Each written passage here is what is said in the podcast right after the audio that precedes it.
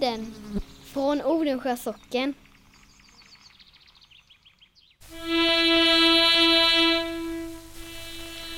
Signalen ges under en minut och innebär alltså fara för anfall från luften och betyder sök omedelbart skydd i närmaste skyddsrum. Avbryt därför eventuellt pågående telefonsamtal. Stäng lägenhets gaskran. Ta den redan förut packade skyddsrumsväskan och gasmasken om den blivit utdelad. Släck belysningen och stäng alla dörrar för att undvika drag i händelse av eld. Och skynda på. Men det var en bergväg där. Och det var eh, hakkorset ritat en gång. Och det var ett samtalsämne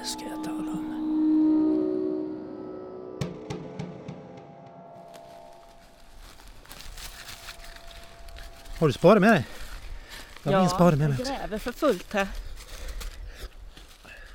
Välkomna till Hembygdspodden. Idag på, är vi på något sånt här ska man säga, arkeologiskt uppdrag.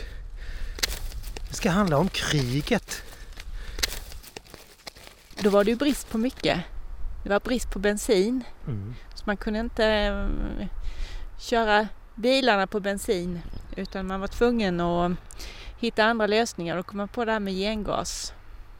Mm. Eller woodgas som det faktiskt heter på engelska. Så ja. Alltså trädgas. Ja, Ja. och det var ju det det var ju. Alltså, vi, står, vi står mitt i vad som förmodligen är Odensjös största och enda nästan krigsminne faktiskt. Kolugnarna kallar man ju det här. Ja, precis. Så det var kolugnar här som, eh, där man tillverkade själva kolet. Och sedan så finns det ju en byggnad kvar här där man förvarade det sen.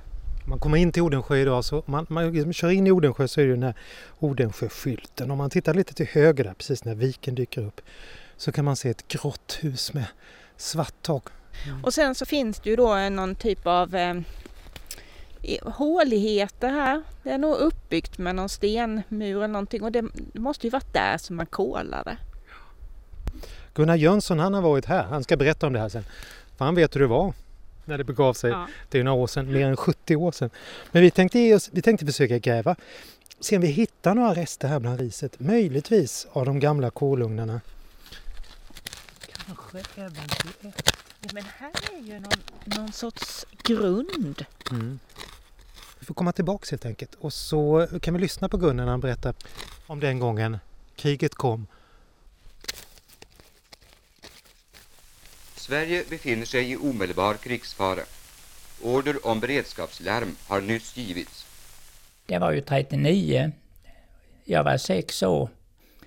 Min far han satt i flera dagar vid rapporterna och lyssnade noga på radion. Så snart ni hört de korta flyglarmsignalerna ska ni uppsöka skyddsrum eller annat skydd. Och eh, man märkte på alla äldre, trots att inte jag var mer än sex år, att de var dystra och särskilt mina föräldrar minns jag ju. Det var, det var spänning i luften och det, det var något dystert.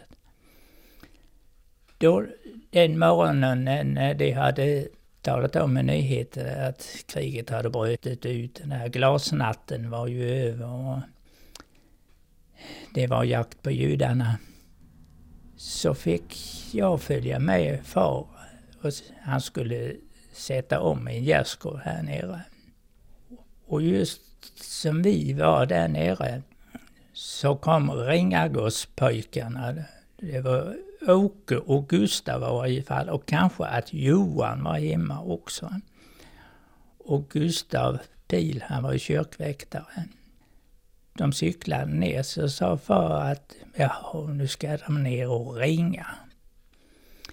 Och då var det ju order om att eh, alla Sveriges körklockor skulle ringa och jag tror det var en timme.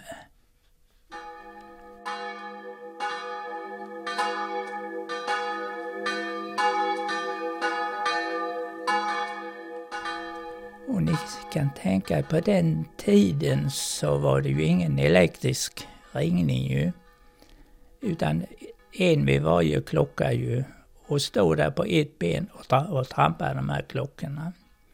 de måste ju ha avlösning efter tio minuter och kvart för då kunde de inte stå på ett ben längre ju.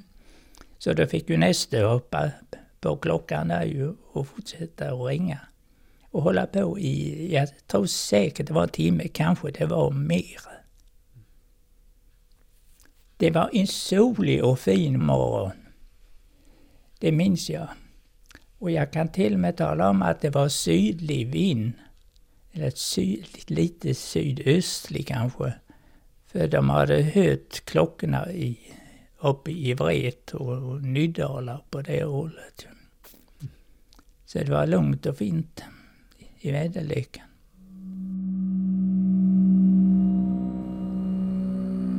Och som vi gick där så kom föreståndarinnan från åldershemmet. Och hon var alldeles ifrån sig. Hon gråt så det, det var väldigt ju. Hon skulle ju bort till affären och handla. Och stannade ju till och pratade med far lite grann om det hemska som hade hänt ju. För många äldre hade ju eh, øh, minne efter första världskriget. Ju. De, de visste vad det innebar om det nu skulle braka lös riktigt. Ju. Jo, hon beklagade sig. Hon sa, tänk om den leje tysken kommer. Vad ska jag ta mig till? Vad ska jag göra åt alla gamla? Och, och vem ska hjälpa mig att sköta de gamla? Och så där. Hon var all, helt väck kan man säga. Ja, det, det, det, det, var, det, det var dystert. Du ska tänka dig, de som gjorde rekryten, det var ju något typ av 10-12 månader. De fick ju påbackning. Åkte direkt ut till, eh, på bevakning vid kusterna och uppåt landet. Så att eh, det var ju många som låg ute i 18 månader i ett svep ihop med rekryten. Och det var ju eh, långt emellan permissionerna. Här var bybor som var, låg uppe i eh, Haparanda och Pajala och de kunde inte åka hem eh, över en helg Jag minns en del som blev inkallade som cyklade i sina egna kläder ju till åsen hur dystra de var. Huvudet hang ju ända nere på styret ju. Jag minns särskilt en, han hette Adolf Johansson från Vret. Som farsan sa, stackars människa nu, var det bud efter honom.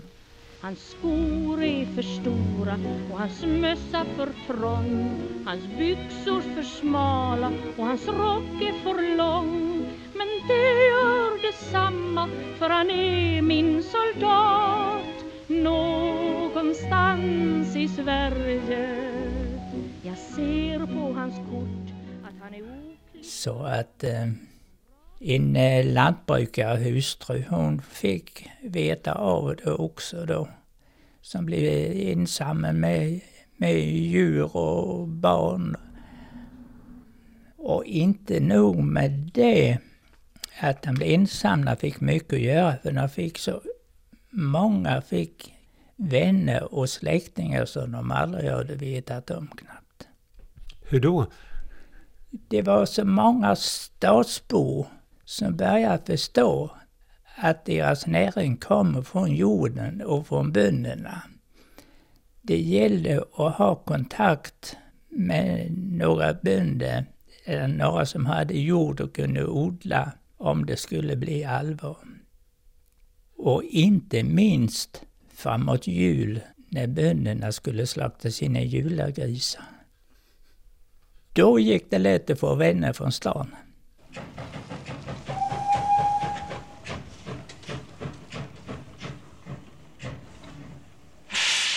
Och det gick ju till så att de packade ner fläsk och kött. Det var ju mest sådana här vanliga eh, stora resväskor. Och så eh, åkte man ju tåget från Åsen till Halmstad till exempel. Och försökte att inte bli eh, uh, uppmärksammad av polisen ju. Varför det? Polisens uppgift det då det var ju att kolla resenärer så de inte smugglade. Så då kunde man Det komma... var en klurig bonde som hade lovat att leverera två väskor med fläsk. Och han åkte till Halmstad. Och det såg ju inte bra ut när han kom med två sådana stora väskor. Det var ju ingen vanlig resenär ju, det var ju en smugglare. Polisen fick se dem.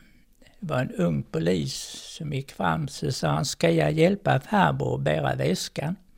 Jaha tack, det går bra det, sa han. Så han tog den ena väskan och de fortsatte en bit. Så säger polisen, vad har farbror i väskorna? Kyt och fläsk, sa han. Det var precis vad jag misstänkte, sa han. Då går vi denna gatan så kommer vi upp till polisstationen så ska vi titta på det. Han fann sig gubben. Han sa, det var snällt av dig. För det var precis dit jag ska, sa han. För de har tingat dem också. Polisen satte ner väskan så sa han, ta dina väskor och försvinn. Han vill ju inte dra in honom i polishuset om de hade beställt fläsk.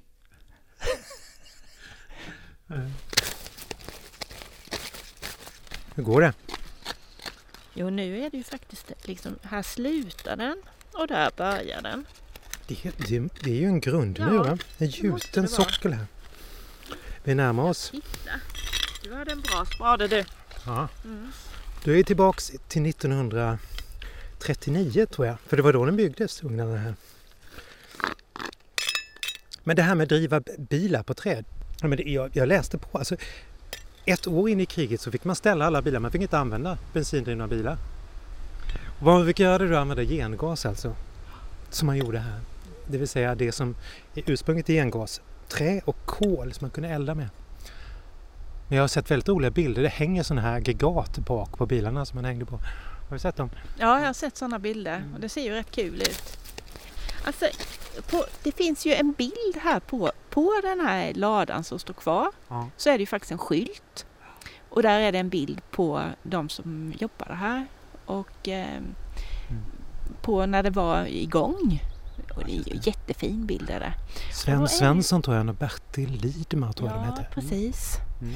Och ehm, då är det ju liksom, de förklarar på bilden att först är det kolugnarna och sen ner mot sjön så är det en byggnad eh, där man bröt sönder kolet sen till bitar och sen är det då ladan där man eh, förvarade sen. Den som är kvar idag. Ja, precis. Men det här kanske är den här, kanske grunden till det där stället där de bröt sönder. Då är vi inte vid, vid ugnarna än alltså faktiskt.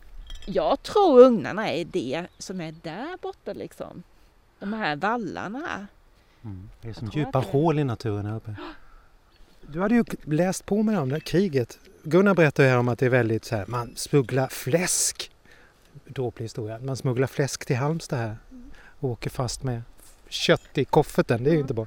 Men, men ehm, det var noga med det där med registrering va? Liksom. Ja, jag har förstått det. Jag fick se några papper som är från min hembygd. Och eh, när min farfar... Tingsryd alltså? Ja, Tingsryd. Och min farfar hade fått eh, skicka in liksom någon eh, redogörelse för precis vad han hade odlat och hur mycket han hade odlat och ja, detaljerat sådär. Mm. Och sen så pratade mina föräldrar om att man även hade fått registrera vilka som var arbetsföra och liksom fanns hemma. Att de kunde göra nytta. Om kriget kommer. Mm. Ja, och jag tror att under den tiden när det var under kriget, Mm. i och med att eh, det måste, behövdes ju folk hemma som kunde jobba och, och se till att det fanns mat och Mm. livsmedel och sådär. Gunnar ska fortsätta berätta några krigsminnen här och vi ska fortsätta gräva. Där slutar ju, ja men där är ju en kant ju. Den borde ju gått. Kaffe var ju en stor historia också ju. Särskilt uppe i landet. De hamstrade, de som hade råd ju, och gömde ju. Och många handlare tjänade ju pengar på, på kaffe ju. Det var en stor affär det. Och så gengasved. Många tjänade pengar på detta. Det var en från Halmstad som startade ute i Ljunghagen. Och det var överallt uppåt Väsbo. Nässjö som närmast här uppe. Och de köpte ju in ved och kapade. Och det var en särskild maskin det gick igenom som klyvde det till eh, gengasved. Och det fylldes i säckar. Och en särskild apparat till att ansluta säcken hade de. Och så kom då bil, eh, kom det bil och hämtade ju. Och sen eh, inte minst kolningen. Här var ju kolmilen här ute ju. Berätta om den, beskriv den för mig. Ja, här var ju två eller tre murade gravar här ute vid där kolmilen har varit. Ju. Och eh, då lavade de ju in meterved i denna ju. Och hur de tände vet jag inte. Men det kolades i murade ugnar då. Annars var uppåt landet så var det ju kolmil ju. Och sen så öste de upp kolet för hand och eh, fyllde i säckar ju. Och sålde. Och eh, lagret där eh, säckarna förvaras, den finns ju kvar ännu. Hur många arbetade där? Det var två. Och det var ju en samlingsplats för att eh, de fick ju vaka över de här eh, kolugnarna så inte det slog ill ju. Dygnet runt. Så att eh, det var ju många kompisar, eh, om de inte låg ute på bevakning ju, som cyklade dit på kvällarna och satt där då halva nätterna och spelade kort. Det har spelats mycket kort i den gamla ladan. Det var ju ett litet, litet rum som var inrett där på några kvadratmeter. Då. Där satt de. Vad spelar de för något? Det var väl mest poker tror jag på den tiden. Det var ju populärt under krigsåren. Sen Cecil med dans ett bord för två i alkov Han sa inte mycket, nej han nicka och så Men det gör detsamma för han är min soldat Någonstans i Sverige Tog det helt slut efter kriget sen då eller när, när la de ner det? Med kolningen? Ja. ja, så snart det kom in lite bensin nu. Mm. Och de började få liv i alla gamla, gamla bilar. Ja, alla var ju inte gamla som hade stått uppallade under krigsåren. På logarna lite hit och dit. Du ska tänka, det var så hård ransonering så att den gamle eh, postköraren Erik Westberg som hade affären i Önde. Han körde posten på motorcykel i vanliga fall ja. Ja, ja du. Han fick inte bensin till sin lättviktare sa han. Utan han fick trampa ut i åsen och tillbaka hem till Önne. Med cykel? Ja, om det hade varit nog med det men han fick inte tag i däck till sin cykel. Men han, han, han hade bra däck på sin lättviktare, 98 kubikaren. Han skruvade väck motorn på lättviktaren och låg och trampade med den låga utväxlingen det var.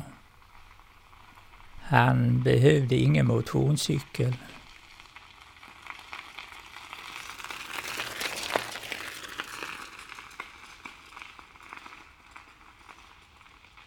Det var hårda bud. Ransoneringen, det var ju inte att leka med. För de som var ensamma var det allra värst för. Jag vet far han körde till kvarn sent en kväll. Och man funderade på varför skulle han köra till kvarn så sent. Det var ju alltid på förmiddagen, riktigt, riktigt tidigt för man skulle komma först till kvarn. Får ju först malet. Men han körde en kväll. Och det var det så att han hade avtalat med Möllan i Önne att han skulle starta upp kvarnen i mörker där och mala lite extra mjöl. För man fick inte mala hur mycket som helst. Det skulle vara licens från krigsdisnämnden.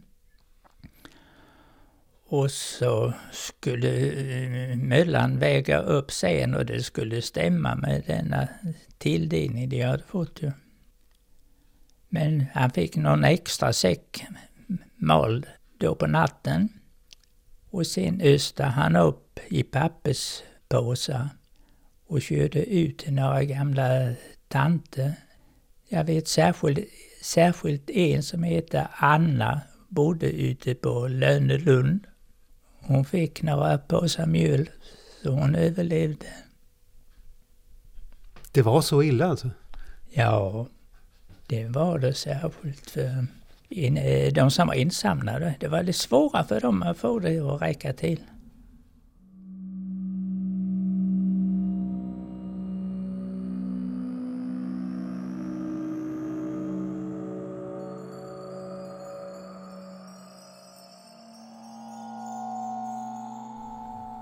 Jag minns ju mörkläggningen.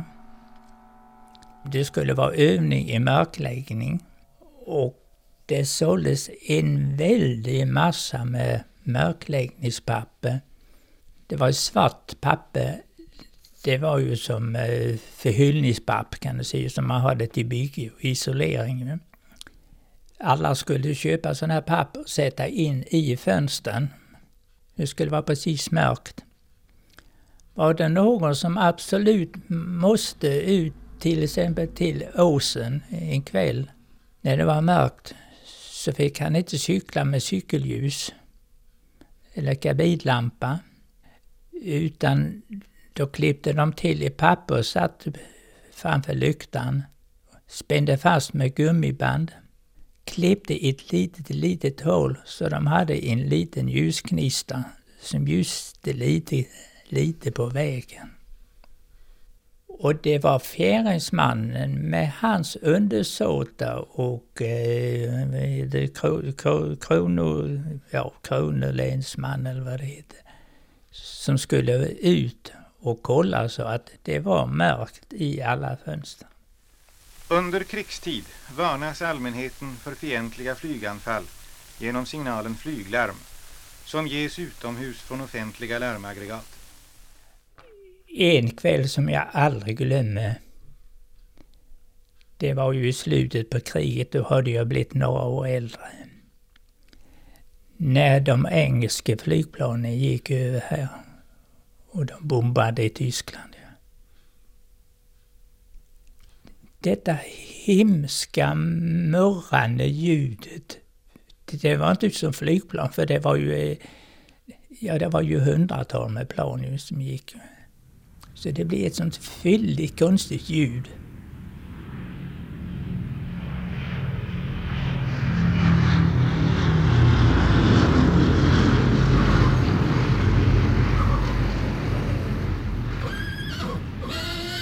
Och de kom så där vid sju, åtta tiden på kvällen. Jag vet att far och jag var ute i lagon och hörde detta. Jaha, sa han. Nu kommer engelsmännen. Och ja, det var väl från Amerika också, vill jag minnas. Och sen på natten, någon gång vid ett, två, så blev det samma ljud, men då gick det på det hållet. De som hade klarat sig och inte störtat, de körde hem igen.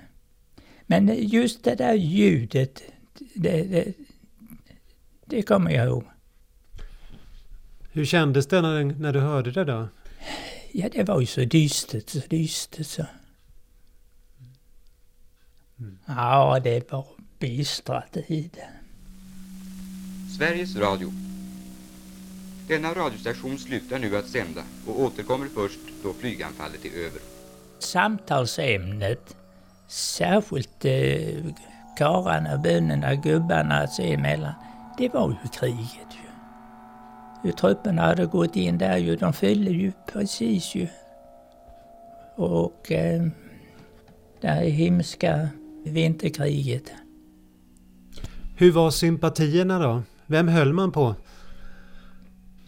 Här fanns ju inte många nazister. Det var särskilt en i Lidhult och en i Vrå som jag hörde talas om.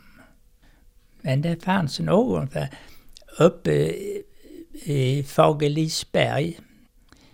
Det är ju uppe på landsvägen fast det, det är ju utsprängt nu så man, det, man ser ju inget berg där. Men det var en bergväg där. Och det var eh, hakkorset ritat en gång. Och det var ett samtalsämne ska jag tala om. De undrade vem i hela friden som... Kom det fram vem som hade gjort det? Nej, det, gjorde det inte. De hade sina misstankar men... Eh, en sak när vi talar om radio. Under alla denna åren så slutade ju radiosändningen, eh, det, om det var nio eller tio kanske. Och de sjöng alltid Du gamla, du fria. Eller spelade. Alltid, alltid slutade radiosändningen från Motala, sa de alltid då.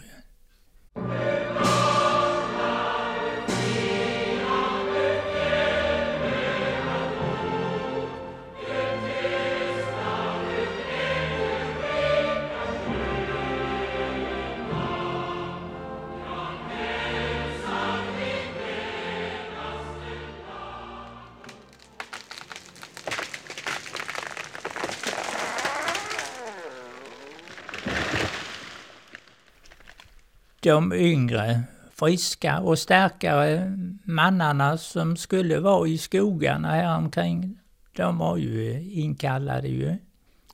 Och under den tiden de eh, var hemma så var det mycket att göra på ställen ju. Eh, så det blev inte så mycket avverkat i skogarna. Men herregud, vad skulle stockholmarna och göteborgarna elda med? Och det var ju några oerhörda mängder. Och så var den unga arbetskraften ute vid fronten. Det stämde ju inte alls. Men så kom det då huggarförläggningar ju. Och det var ju sådana eh, som hade rymt från, eh, från kriget ju. Så i den gamla affären här var ju huggarförläggning. Tio, elva stycken tror jag de var. Det var både norrmän och finnar och polacker. Sådana som hade lyckats att rymma från fronten och kommit över gränsen ju. Och så hamnade de då på sådana här förläggningar. Och de fick bli skogsarbetare. En del var det ju, en del visste kanske inte vad ett såg var. Billy och Sives morbror ifrån Lyckna, han var instruktör och fick följa med i den här förläggningen. De var mycket ute på Björkö och högg ved. Och de fick gå med sina, sina verktyg. Det var ju bara handsåg och yxa ju. Härifrån och över isen. Och jobba där hela dagen ju. Och så sen vandra hem ju. Det smakade nog gott med en fläskabit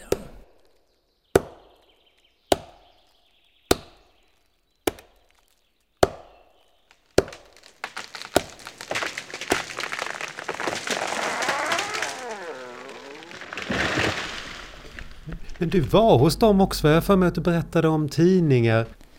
Eh, jo, jag sålde tidningar, veckotidningar. Så jag var inne hos dem många gånger. Och vi kunde ju inte prata, de begrep ju inte vad jag sa, men de visste ju vad jag ville ju. De köpte tidningar också.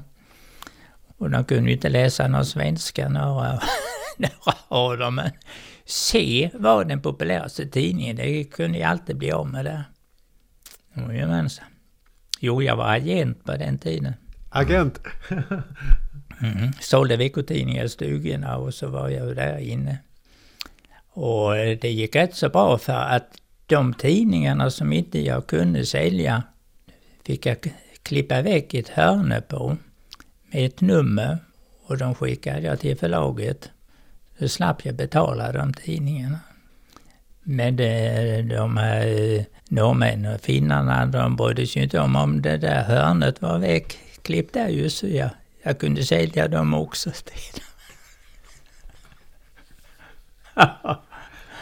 Jaha du.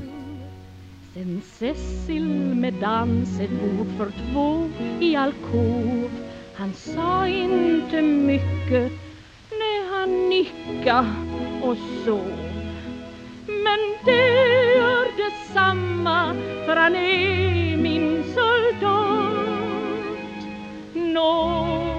Någonstans i Sverige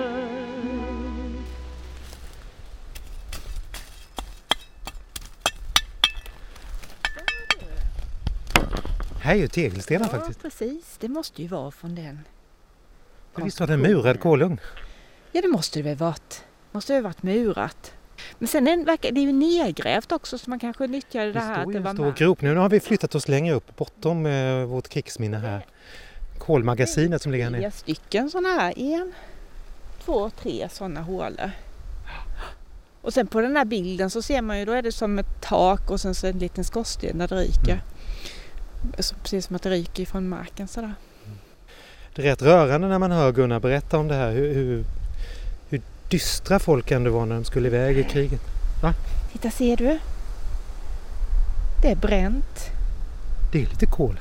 Ja, ja men bitar, liksom lite brända bitar här. Alltså att man har ju eldat här, det syns ju. Det är små bitar av kol. Nej, faktiskt en kolbit. eh. Ja, det ser det ut som. Mer än 70 år gammal Ja. måste den vara. nu. Vad häftigt. Ja, Det håller ju hur länge som helst när det väl har kolat. Men du, hur länge höll de på här? Vet du det? 48 tror jag det var. Mm. För mig det. Jag har faktiskt sett på nätet att det finns en förening som fortfarande kör gengasbilar. Som en sån här... Bara för att de tycker det är kul. Jo. Tänk om någon kunde kommit till veteranmotorträffen. Ja, det, har varit Det hade roligt. varit, varit roligt. Jo. Jättekul. det går att köra alltså. Det går att Ja. utveckla det här. Ja. Problemet med gengas om jag förstår det rätt, det var ju att den var giftig. Det var kolmonoxid. Så om man stod i garaget och skulle värma upp bilen innan man fick upp full effekt, va, då kunde man dö. Och det var tydligen här, typ 10-15 personer per år som dog av det här. Usch vad hemskt. Ja. Vad gräsligt. Så det var giftiga grejer det här med gengas, om jag fattar det rätt. Det finns ju i princip bara en bild kvar nu av, av kolugnen när de var igång här. Det skulle varit kul att se fler bilder faktiskt. Ja, tänk om det fanns. Så om det är någon som lyssnar på det här nu och kanske har någon bild från kolugnarna som var igång här mellan 39 och 48 under kriget. Under det brinnande kriget i Europa så får ni gärna höra av er till oss och komma in med, med bilder för det skulle vara kul att se fler. Ska vi gräva vidare? Vi kanske hittar mer? Ja, vi får göra det. Vi Ja. försöker på oss. Vi hörs igen om 14 dagar så kan vi berätta om vi hittade något mer. Hej då på er! Denna radiostation slutar nu att sända och återkommer först då flyganfallet är över.